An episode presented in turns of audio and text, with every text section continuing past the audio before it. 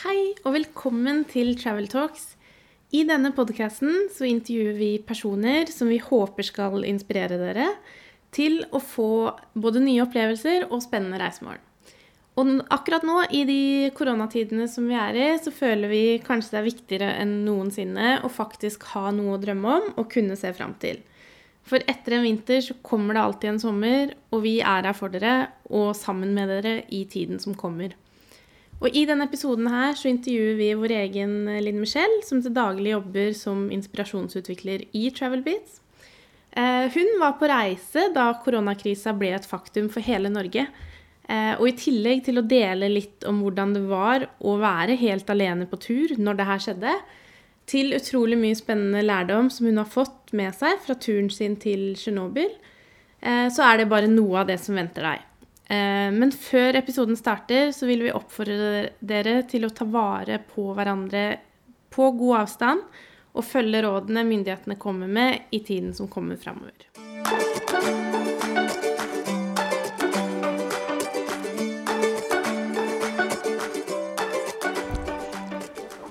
Hei og velkommen til Travel Talks, eh, Linn Michelle.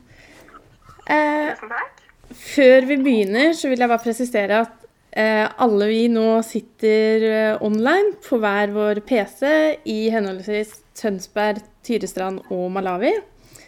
Eh, så det her er en litt ny situasjon for oss når det kommer til å spille inn en podkast. Men i disse dager så blir vi bokstavelig talt kasta litt ut i ukjent farvann alle som en, så vi prøver.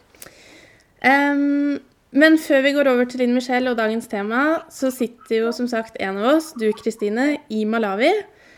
Um, og kanskje du kan først si litt om hvordan situasjonen er der akkurat nå, og kanskje litt om hvordan det føles å være så langt borte fra Norge sånn som situasjonen er blitt, da. Ja, selvfølgelig. Og jeg tror foreløpig så er det nok mye lettere for meg her i Malawi enn det er for dere i Norge. Mm. Og det er jo nettopp i Malawi foreløpig er et av 18 land i Afrika som ennå ikke er ramma. Så vi er fortsatt virusfrie, så vidt vi vet. Mm. Så har vi selvfølgelig forhåndsregler når det gjelder hygiene osv. Men livet går mer eller mindre mer normalt enn hva det kanskje gjør i Norge nå, da. Ja. Um, men samtidig så vet vi jo ikke hvordan situasjonen er her, grunnet mangel på testfasiliteter. Så vi begynner å se litt den frykten hos mange. Hyllene begynner å tømmes i butikkene, skoler holder stengt i perioder, og reisende kommer jo selvfølgelig også i karantene, noe som er bra. Så man er veldig forsiktig her også, selv om mm. regelverket ikke er så strengt som i Norge ennå. Mm. Dere henger litt bak oss i utviklinga, kanskje, på, ja, er, på viruset? Så, ja. ja, ikke sant. Så det blir nok mye av det samme her også. Og vi begynner jo som sagt å se tendensene til det. Mm. Og jeg er jo fastboende i Malawi. Eh, men det er jo likevel veldig rart å sitte her når hele familien er i Norge og India. Jeg er gift med en indisk mann. Mm. Eh, så det er spesielt å vite at ikke vi kan komme oss til noen av de stedene enkelt. India har jo også slutta både med visum og internasjonale fly. Mm. Samtidig så er livene våre her, og vi tok jo valget om å bli her, så jeg har ikke akkurat noe å klage på sånn sett foreløpig. Så situasjonen er helt grei sånn sett, da. Ja. ja, men det er bra. Ja.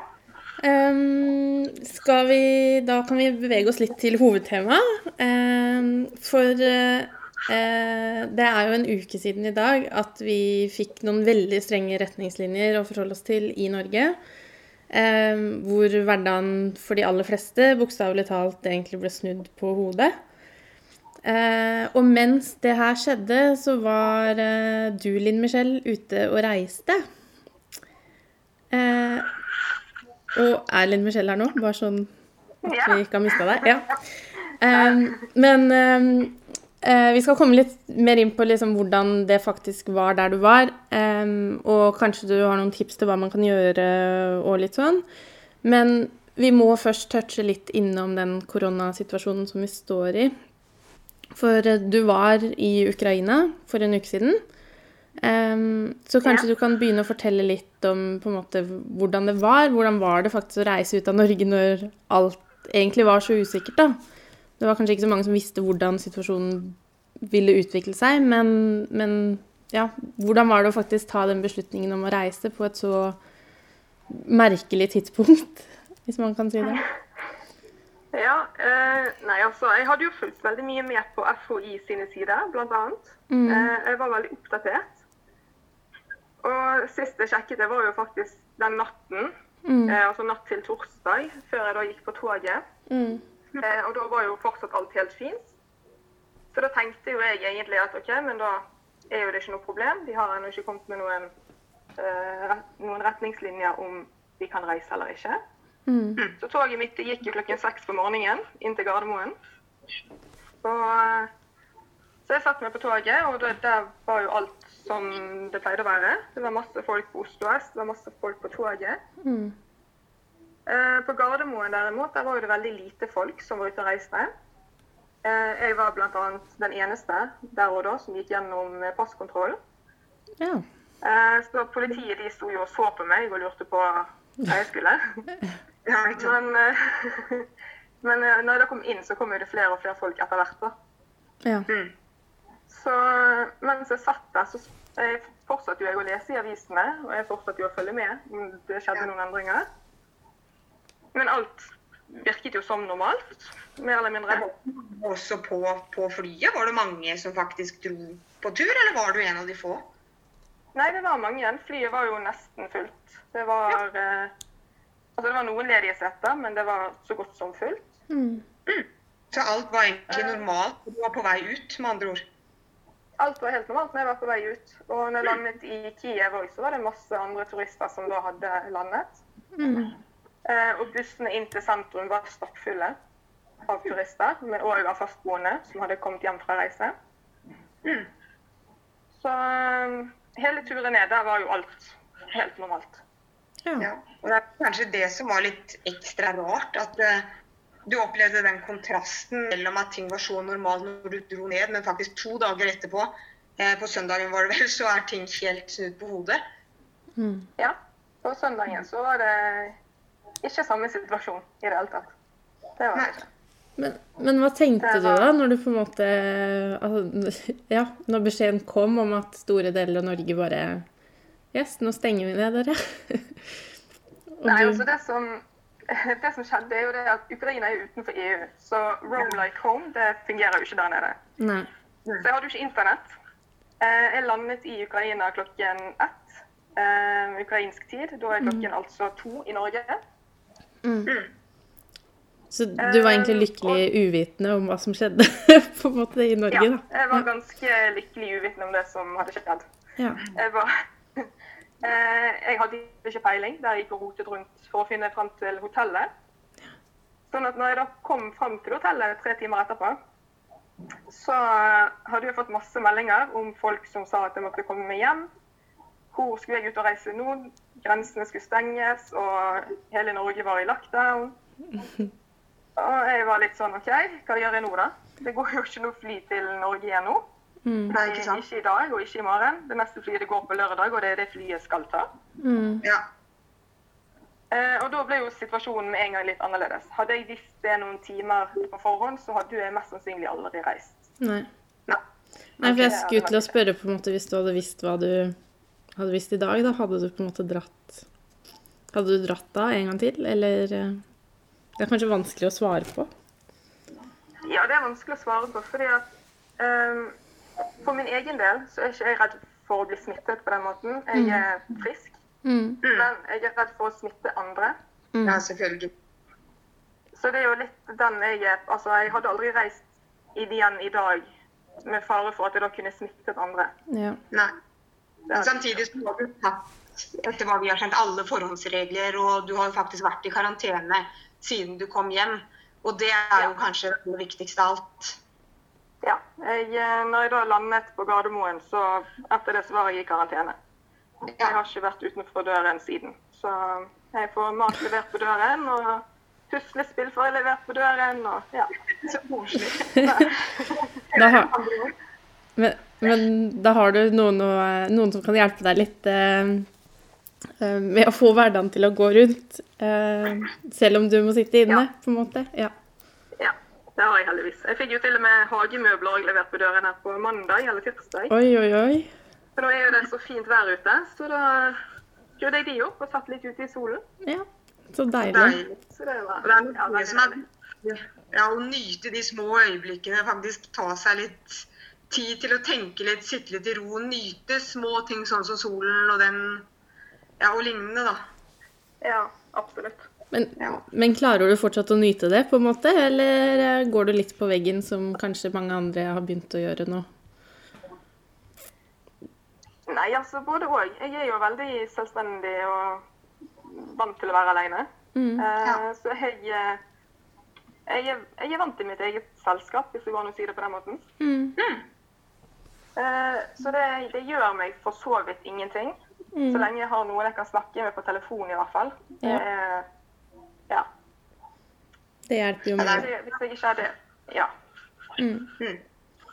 Og det er jo et veldig godt tips til andre som sitter i karantene òg, å på en måte ta opp telefonen og Man kan jo facetime, man kan jo eh, eh, ringes eh, vanlig, og man kan til og med podcaste online i disse dager. ja. Eh, så ja.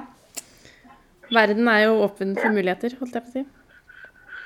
Ja, nå har jo vi eh, i, i, altså Jentegjengen min i Bergen vi skal jo ha klubb, eller vi har klubb hver eneste måned. Men klubben i går den vil gå over, eller denne måneden her da, den vil gå over FaceTime. OK. Så da skal eh, hver og en av oss stå på hvert vårt kjøkken, lage mat Ja. sammen. Men ikke med hverandre. Og så skal vi spise maten, og så skal vi eh, ja, snakke og spille spill og noe, greier. Så ja. Men så koselig. Så koselig. Det er jo noe med det å gjøre det beste ut av det. Ja, ikke sant? Ikke sant? ja. Men, men litt tilbake til, um, um, til Ukraina, da. Um, for Ja. vi, må jo, vi må jo nesten snakke litt om det òg. For du, eh, du fikk jo en veldig fin tur, selv om på en måte omstendighetene rundt var kanskje litt annerledes enn hva det pleier å være. Um, ja, jeg måtte jo gjøre det beste ut av det, tenkte jeg. Når Ja. jeg først var det, så ja. Ja, det er jo noe med det. Men, men, men for du, eh, bare for å begynne med det, for du reiste aleine på den turen her. Ja, Um, det gjorde jeg. Ja. Og mange vil jo kanskje lure på liksom Oi, hvordan, hvordan er det å reise aleine? Og kanskje spesielt, hvordan er det å reise aleine i nettopp den situasjonen, da? Når ting ikke går helt etter planen, på en måte. Eller turen i seg selv gikk vel kanskje etter planen, men ja. Ja, turen i seg sjøl gikk etter planen. Eh, men det viktigste når man kommer opp i sånne situasjoner, tenker jeg, å holde, å holde seg rolig. Ikke få panikk. Mm. Eh, og eh, norske myndigheter de, de sa jo det at de ville hjelpe oss å komme oss hjem hvis ikke vi kom oss hjem. Ja. Mm. Eh, sånn at du vet jo på en måte at du har altså du har på en måte Norge i, i ryggen. da. Mm. Vi er jo veldig heldige på den måten. Og det var jo trygghet i seg sjøl å vite. Mm. Ja, vi er jo det. Så det var jo da en trygghet i seg sjøl å vite det. At hvis det nå skulle være sånn at SAS skulle kansellere flyet mitt på lørdag, så ville de uansett hjelpe meg for å komme meg hjem på en eller annen måte. Ja. Ja. Uh, Så ja, Men flyet det ble ikke kansellert, og det gikk som planlagt. Og det var jo det siste flyet ut av Ukraina til Norge. Mm. Så jeg var jo veldig heldig der, da, at jeg kom med på det flyet. For det var jo det, var det flyet jeg skulle ta. Ja. Men eh, det var stappfullt. ja. Mm. Ja. Så du fikk siste billetten ut? Basically. ja, altså Basically, ja. Mm. Men hvordan var selve Ukraina? Du besøkte jo også Tsjernobyl, som må kanskje ha vært litt ekstra spesielt også nå, siden det stedet også har en veldig sterk historie for menneskene som bodde der, og menneskeheten generelt også, kanskje. Hvordan, hvordan var det å besøke akkurat det stedet midt oppi alt det her? Fikk det deg til å tenke litt ekstra, eller Og, og hvordan var det, mest av alt? Ja, jeg, eh, altså, jeg besøkte jo Tsjernobyl på fredag den 13. Mm. Eh, midt i eh, koronakrisen. Mm. Ja. Og da skulle jeg inn da til radioaktivitet og stråling. Nett, nett. Så, eh, altså Besøket til Tsjernobyl det var veldig sterkt Ja. Og og veldig interessant. Mm. Det er på en måte, altså, Du skjønner hvor fort ting skjedde, da. Mm. ja, det Uh. Eh, ja, fra å gå fra å ha et helt vanlig liv være hjemme, lage middag til plutselig å måtte forlate alt. Mm. Uh, Du fikk kun lov å ta med deg pass og penger. Mm. Og så ble du lovet at du skulle komme tilbake om to dager for å hente resten av tingene. Mm. Eh, Men det ble jo aldri noe ut av, eh, så alt står jo der. Ja. Eh, Som om det skulle skjedd for ikke så lenge siden. Mm. Det eneste Altså det som var òg noe av det sterkeste der, var jo ødeleggelsen av menneskene i etterkant òg. Ja, det er trist. Ja. Det, det syns jeg var veldig trist. At det, har vært, altså at det kommer inn gjenger med plyndrere for å ødelegge. Såpass, ja. Det visste jeg faktisk Ja. ikke. Nei, for det var, eh, det var faktisk guiden vår som fortalte at for tidligere så var det åpent for alle. Da var ikke det så strengt for de som ville inn der. Mm. Okay. Så du måtte ikke ha en guide med deg. Eh, og da reiste folk inn i gjenger Mm. for å da plyndre stedet, hente ut ting. Eh, supermarkedet ble tømt for matvarer og andre, andre varer, som da ble solgt videre Ja. utsiden. Som de de var fra Tsjernobyl, eller generelt som bare varer?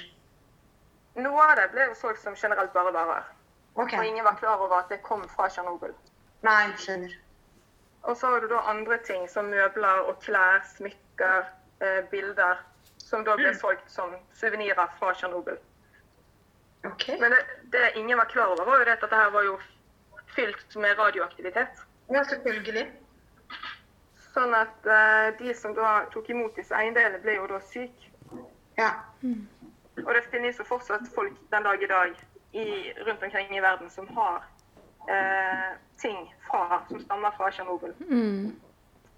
Uten at de er klar over hvor mye radioaktivitet som finnes i de objektene de, de eier. da. Mm. Så Og vi fikk jo også streng beskjed om at uh, hvis vi mistet noe på bakken, så måtte vi bare la det ligge, for det var så høy radioaktivitet på bakken. Mm. Eh, vi fikk ikke lov å ha med oss kamerastativ og sette stativet på bakken. OK. Eh, og det var altså Hun sa det eneste som er greit, er at dere går der med sko, for skoene de kan vaskes etterpå. Det er gummi, Ja. så det går fint. Ja. Okay. Så det var veldig, veldig sterkt. Og når du da ser hvor stor den byen var, det var jo tross alt 50 000 mennesker som bodde der. Ja. Det var en opplevelse i seg sjøl. Altså. Det var Jeg anbefaler alle å reise dit en gang. Ikke nå, da, men, eh, men en gang seinere. Når det åpner igjen? Det, Ja. Det er absolutt en opplevelse man bør få med seg en gang i livet, tenker jeg. Mm. Men hvor lenge var du der? Altså, brukte du en hel dag der, på en måte? Eller var du Ja, det var en Ja. heldagstur. Vi ble Ja. hentet klokken åtte om morgenen. Og så var vi tilbake i eh, Kiev halv åtte på kvelden. Ok. okay. Så det var jo tolv timer. Mm. Så det er stor, da, med andre ord, som du sa også. For man tenker kanskje ikke helt på det når man leser om dette her. Man skjønner ikke helt størrelsen på det. Mm. Nei. Og så har jo de, de har to eh, Altså, du har, du har to områder, da. Du har 10 km radiusen eh, fra reaktor 4. Og så har du 30 km radiusen. OK. Og det er jo innenfor 10 km radiusen det er der det er eh, høyest stråling. Ja. Og det er jo der Pripyat bl.a. ligger, den byen. ja. Den er jo bare 3, 3 km unna reaktor 4. Mm. Eh, og du, du ser jo, altså hvis dere har sett dokumentaren på Tsjernobyl, eller hvis dere har sett serien på HBO, Mm. ja. så gir det et veldig veldig godt bilde av hvordan det faktisk er der. Mm. Du ser faktisk rett bort på reaktor 4 fra Pripyat. Okay. OK. Men hørte du noe om hva folk som f.eks. guiden din tenkte om den Både om dokumentarene som er ute, og også om den serien? Spurte du dem om det? Ja, eh, vi snakket om f.eks. Dødens bro. Mm. Eh, den er veldig omtalt i den serien. Ja. ja. Eh, for det, det viser de sant, folk som går opp på denne broen, eh, Mm. og alt dette, altså all radioaktiviteten da, som kommer mot dem. Mm. Eh, og hun sier at det, det har blitt et stort fenomen etter serien og etter dokumentarene. At her var det så mange som hadde spådd, og her var det så mange som hadde blitt drept fordi at de sto her og så på utsikten. ja. Eh, men så sa hun det at det, det, det finnes ingen bevis på at det faktisk sto noen der. OK. Interessant. Så ja, så jeg vet ikke om Altså, Jeg skal ikke begynne å spekulere i om det faktisk sto noen der eller ikke. Nei. Men eh, når vi kjørte over Dødens bro, så så, så jo du de, de rett på reaktor nummer fire, sånn som du òg ser i serien, blant Ja. annet. Ok. Så at det kan ha stått noe der, det er jo veldig mulig. Fordi at det var jo et veldig flott syn, sånn som de, for, de Ja. forklarer det. Ikke sant. Eh, ja.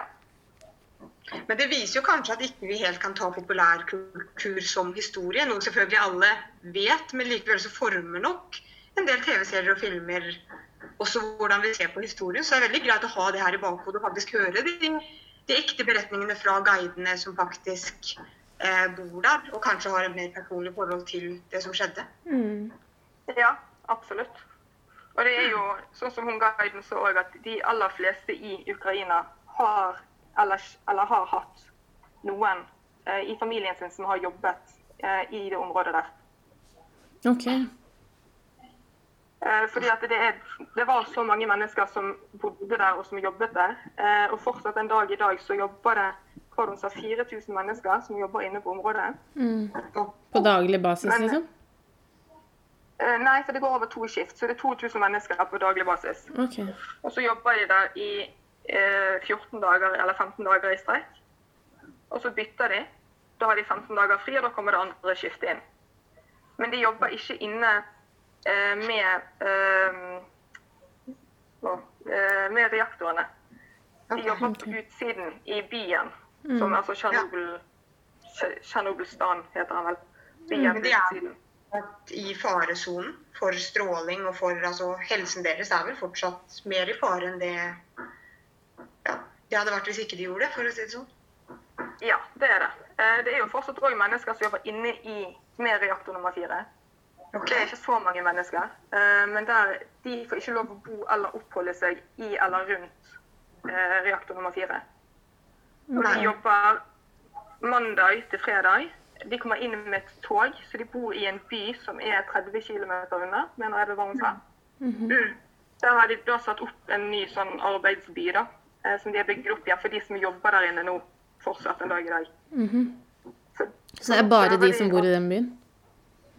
Det er kun de som bor der, ja. Mm. Og familiene deres. Mm.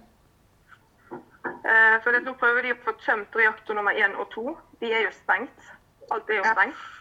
Men nå må de tømme det for eh, radioaktivitet. Og det er jo det som er den vanskelige jobben. Hvordan skal man fjerne det, og hvor skal man gjøre av det? Mm. Ja, selvfølgelig. Men det er jo da en utrolig jobb de menneskene faktisk gjør. Ja. Det er veldig imponerende at, altså, at folk står på. Mm. Selvfølgelig. Og med tanke på altså i etterkant. Eh, De måtte jo bygge et nytt eh, skjold rundt, eh, rundt reaktor nummer fire. Det kom jo Mm. i 2016.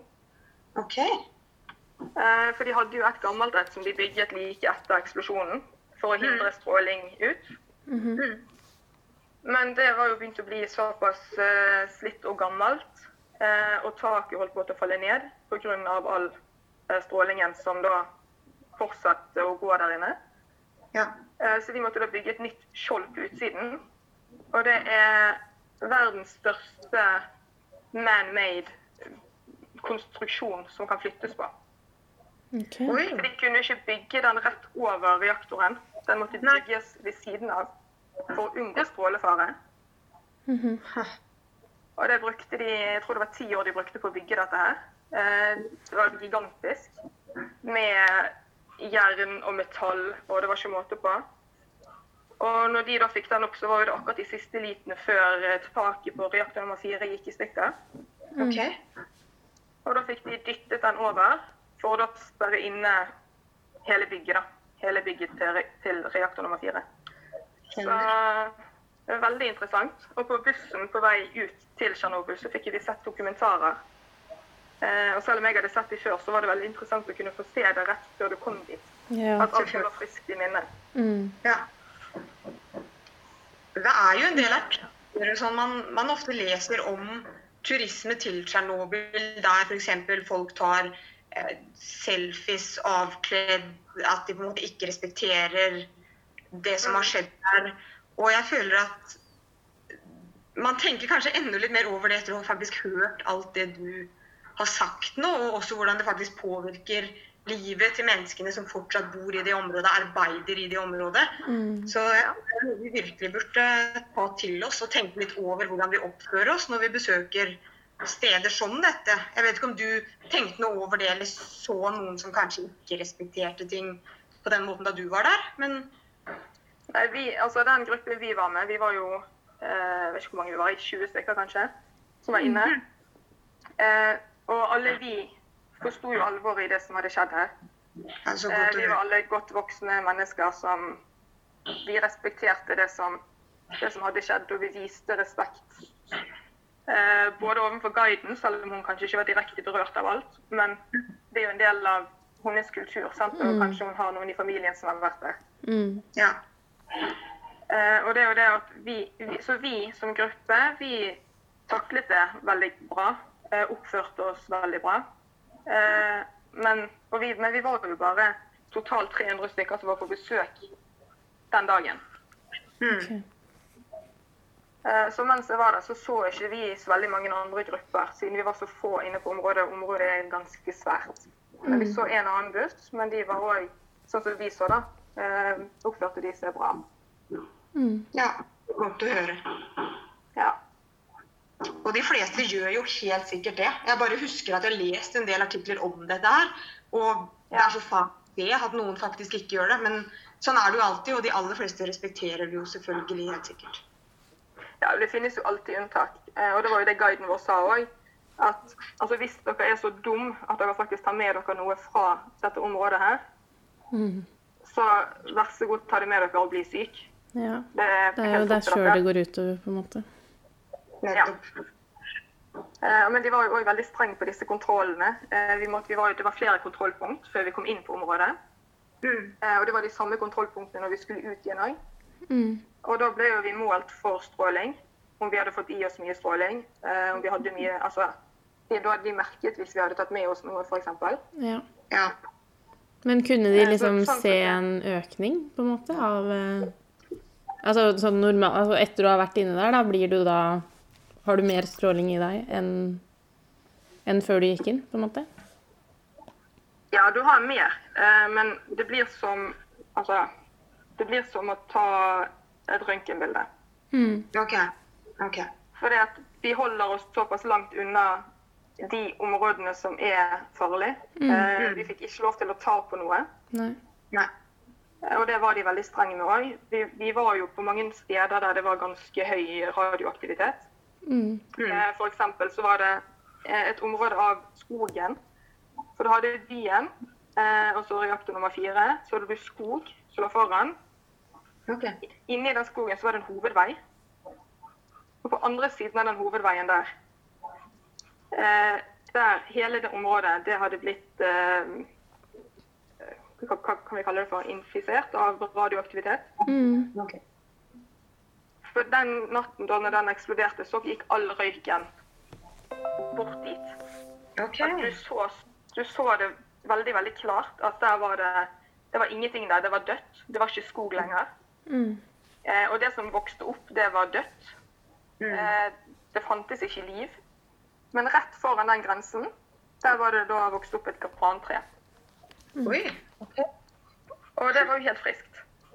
Så interessant. Det var, veldig interessant. Og det var sånn som guiden vår sa, at her ser du på en måte veldig klart hvor grensen går. da. Ja. Eh, og når hun da tok det, det, måleapparatet, så målte hun borte med den, det grantreet. Der var det mm. ingenting. Mm. Og så tok hun den kanskje tre-fire-fem meter lenger bort, og der var det ganske høy radioaktivitet. OK. Så interessant da, om grenser. Ja, det var veldig interessant. Og det var òg veldig mange områder der det var ingenting stråling på det ene stedet, og så gikk du kanskje ja, en halv meter lenger bort, og der var det veldig, veldig mye stråling. Mm. Og det, det som også var, var i byggene, f.eks., som var rundt omkring der. Eh, så hadde jo all, all, den radioaktiviteten den hadde havnet på taket på byggene. Mm. Sånn at når det da begynte å regne, så eh, gikk dette ned i de eh, takrenene. Mm -hmm. Og derfra hadde det dryppet ned på bakken under.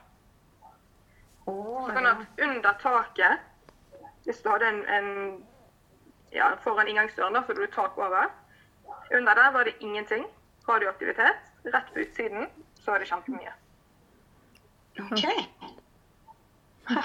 Så det er veldig interessant. Mm. Ja. Og alle skjønner jo nå hvor mye du faktisk lærer i løpet av en sånn dag. Mm. Bare ved å ha Ja. Kunnskapsrik guide som kan forklare så mye, og bare alt det du har sagt nå, er ting Ja. jeg aldri har hørt, i hvert fall. Og som Mm. det er veldig viktig å vite, føler jeg, om noe som dette her. Og det er jo ganske ny historie. Mm. Mm. Ja, det er jo det. Og det er jo, altså når man kommer dit Jeg hadde jo kanskje tenkt at dette var en liten dagstur. Byen var ikke så stor. Mm. Og sant, Man lærer jo mye av å se de dokumentarene, men når jeg kom dit, så fikk jeg et helt annet inntrykk av både historien, eh, men òg det at jeg faktisk lærte såpass mye som jeg gjorde når jeg var der. Mm. Og jeg har en mye mer forståelse for ting som har, altså som skjedde der. Eh, og ja. Så nei, det er veldig det er mye, det er veldig mye spennende historie. Absolutt. Ja. Ja, det er garantert et sted jeg veldig gjerne vil besøke i fremtiden. Det er helt sikkert. ja, og det anbefaler jeg òg. Ja.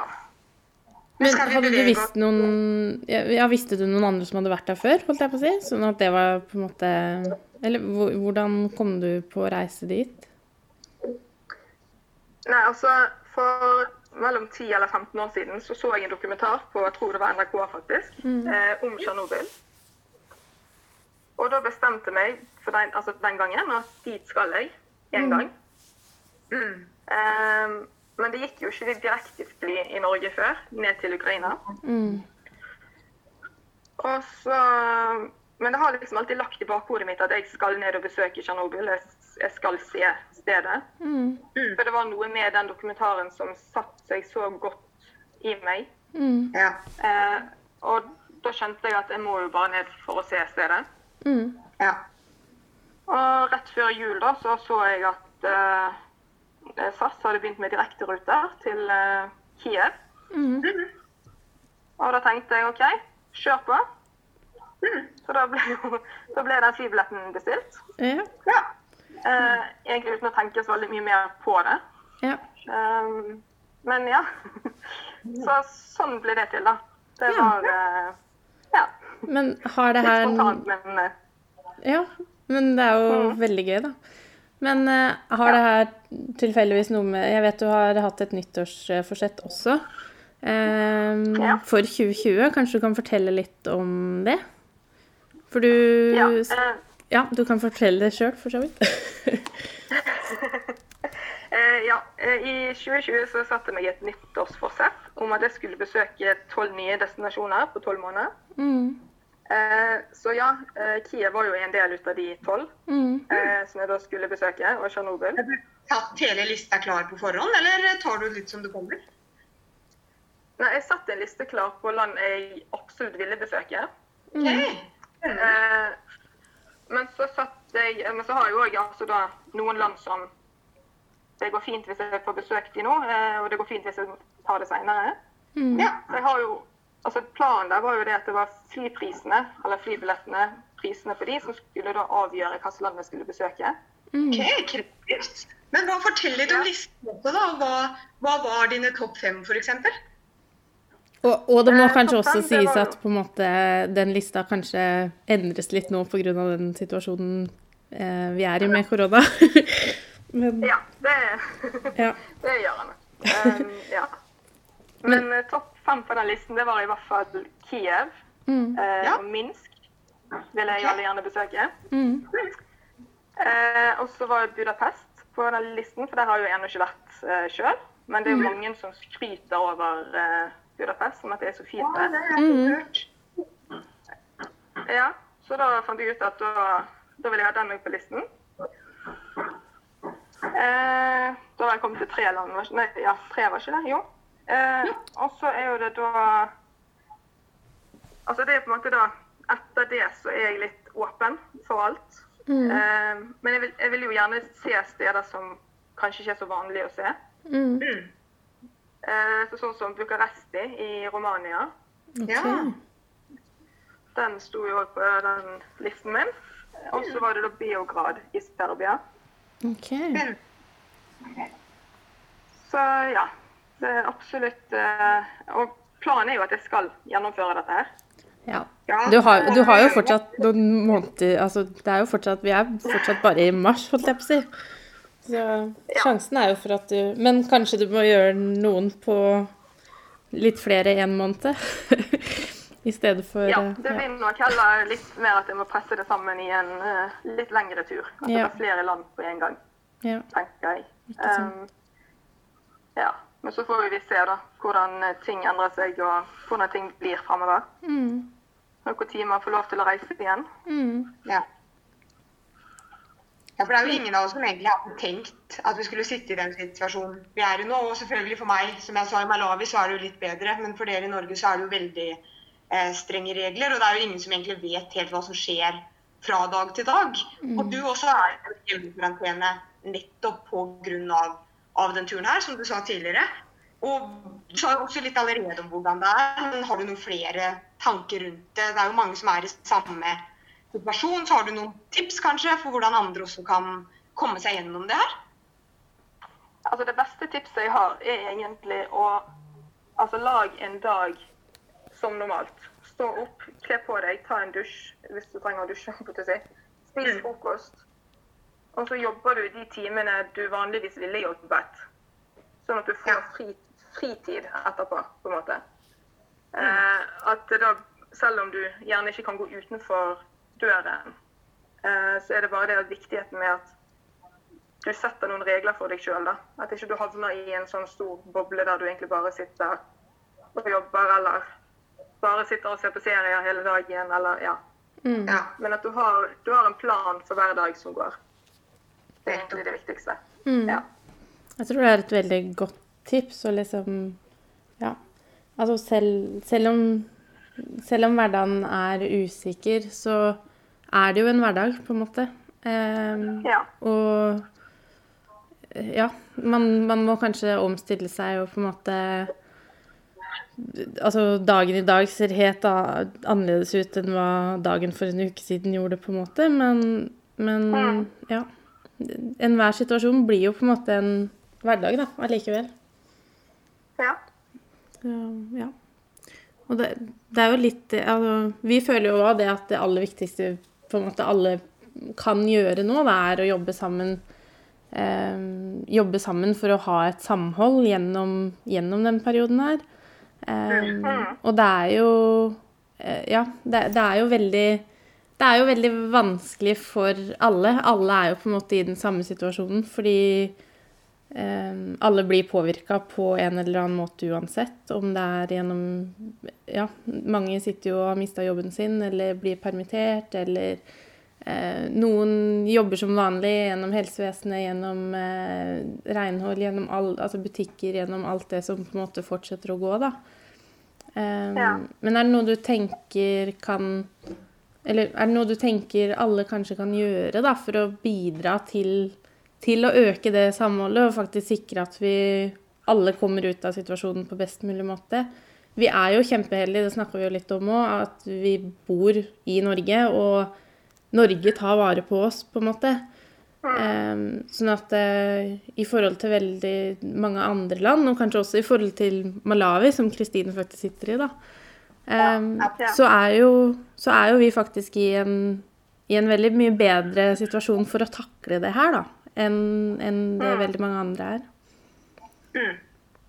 Og det man frykter i i Malawi og andre afrikanske land og land andre steder også i verden, er jo at om det kommer til det nivået det har gjort i Norge nå, så har jo ikke myndighetene engang muligheten til å faktisk støtte opp på den måten som de norske myndighetene har.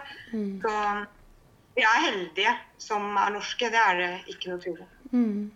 ja. Men har du noen tanker om, om hva man kan gjøre? Altså, eller noen tips til, til de som sitter hjemme og er litt bekymra i disse dager? Nei, altså Det sies jo at eh, etter hver vinter så kommer bare alltid en sommer. Mm. Ja. Eh, ting vil jo bli bedre. Mm. Eh, det eneste, altså Vi vet jo ikke hvor lenge dette kommer til å vare. Mm. Og det er det ingen som kan si noe på heller. Nei. Men det viktigste i denne situasjonen her er jo det at man må ta vare på de små bedriftene rundt omkring i Norge, annet. Mm. Enig. Ja, og det å hjelpe og støtte hverandre eh, egentlig uansett. Mm. Eh, ja, og vite hvor mye det faktisk betyr da, for, for hver bedrift, liten som stor, håper jeg som sliter nå. Ehm, Ja, det er jo arbeidsplasser det går hardest utover. Det er jo det, absolutt. Mm. Ja. Det er jo det. Vi sitter jo i Tønsberg, eller dere, holdt jeg på å si, sitter jo egentlig i kontoret. Man får jo se f.eks. for hvordan dette VIT-konseptet for eksempel har begynt med hjemlevering, og det viser jo også at ikke det skal så mye til for enkeltpersoner å hjelpes med små bedrifter. Altså de bare bestiller litt mat på døra en gang eller to fra en lokal bedrift eller en liten bedrift, og gjør den type. Mm. Det kan både øke samholdet og også sikre at faktisk de små bedriftene kommer seg gjennom den situasjonen de er i nå. Mm. Ja. Og det er jo det som er så viktig. Det er jo det at ikke alle sk- Altså, vi har jo ingen arbeidsplasser å miste. Nei. Nei. Og det at vi da kan støtte hverandre i de, bare de små tingene, da, som du sier òg. Bare det å kjøpe en bolle på hjemlevering. Mm. Ja. Eller bare altså, Noen har jo VIP altså de pleier å kjøpe kaffen sin eh, på en lokal kafé, og nå lager de kaffen hjemme, men vipser, vipser på kaffen allikevel, på en måte. Bare for å holde hjula i gang, da. Og det er jo det, Ja, det å se den derre dugnadsånden som, som det norske folk virkelig har eh, ja, tatt på alvor, da, det er helt fantastisk. Mm. Mm. Ja, det er, Det er det er helt fantastisk å se. Mm. Det er det vi virkelig. Absolutt. Mm. Og det er jo ofte Det det er jo ofte sånn at liksom Altså, kriser fører til muligheter. Eh, og, og det ser man jo òg. Det, ja, det er jo alle de, alle de vi har nevnt nå, et virkelig stort bevis på. Eh, Ja. Men hva tenker du sånn Hva tenker du om situasjonen, og hvordan, hvordan ser du på framtida? Altså, jeg tenker at vi, vi Altså, alle vil komme sterkere ut av dette her på den ene eller andre måten. mm, Mm. Eh, vi som mennesker, vi vil vokse. Eh, vi vil lære. Og kanskje da forstå alvoret i det som faktisk har skjedd nå. Eh, og ja, altså Jeg tenker det Når man har nådd bunnen, så går det bare én vei, og det er oppover. ja. Tenker jeg, da. Så vi Det vil jo bare bli bedre etter hvert. Mm, Mm. En god holdning å ha. ja. Ja. Vi har eh, Jeg tenker det er en fin måte men vi, mm, å avslu- eller runde litt av på. Men, men vi har tre spørsmål som vi stiller alle som er med i podkasten vår. Så vi tenker at eh, siden vi skal prøve å beholde den her eh, hverdagen litt, så, eh, så gjør vi det den her òg. Eh, ja. eh, men hva er din favorittdestinasjon, og hvorfor? Hmm. Ja. um...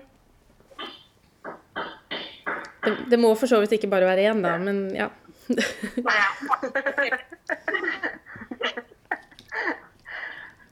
altså Min favorittdestinasjon, ja, det må vel bli Sør-Afrika, tenker jeg da. ja. Eh, og det er fordi at der er det så mye å se og så mye å gjøre. Mm. Um, ja. Og menneskene. Så ja, det blir Sør-Afrika. Ja. Det varmer hjertet mitt. Jeg har bodd der et halvt år selv, så jeg Men eh, ja. Um, hva er ditt beste reisetips? Det er faktisk eh, pakk lett. Eh, og hvis du kan, så reis alltid med håndbagasje. Eh, det går så mye raskere på flyplassen, både til og fra. Mm. Eh, og ikke minst så sparer du òg flyselskapet for kilo. Mm. Og ikke minst, det er mer miljøvennlig. Ja. Um, er det noe du skulle ønske reisende gjorde mer av, og hvorfor? Jeg skulle ønske at de, at de så litt mer lokalsamfunnet de kom til. Mm. Eh, de reiser til et nytt sted. Og det å kunne støtte opp om de lokale i utlandet òg, og ikke bare hjemme i Norge. Mm. Um, det er, finnes mange land som er avhengig av turisme, og da er det viktig at vi som faktisk turister støtter dem. Mm. For at de skal ha en jobb å gå til, de òg, hver dag. Mm. Kanskje det er det som nå kommer ut av denne koronasituasjonen. At alle skjønner hvor viktig det er å faktisk, som vi snakket om, skape det samholdet. Ta mm. vare på hverandre, faktisk støtte andre enkeltpersoner. Og det har jo vi som i reiselivsbransjen et veldig stort ansvar for. Um, og det hadde, ja, det hadde vært et utrolig resultat hvis alle fikk den tankegangen litt. Mm. Ja. Og til syvende og sist så er vi jo alle Altså, ja vi er alle en del av moder jord, på en måte. Samme, samme Altså viruset, det, det, går på alle og enhver. Det skiller liksom ingen. Eh, og det bør kanskje ikke vi gjøre heller, eh, egentlig. Nei. Nettopp. Det er helt sant. Mm. Så bra. Jeg tror eh, det er en fin avslutning på, på denne episoden her. Tusen hjertelig takk, Linn Michelle. For, takk. Eh, jo, takk for at jeg fikk eh, være med.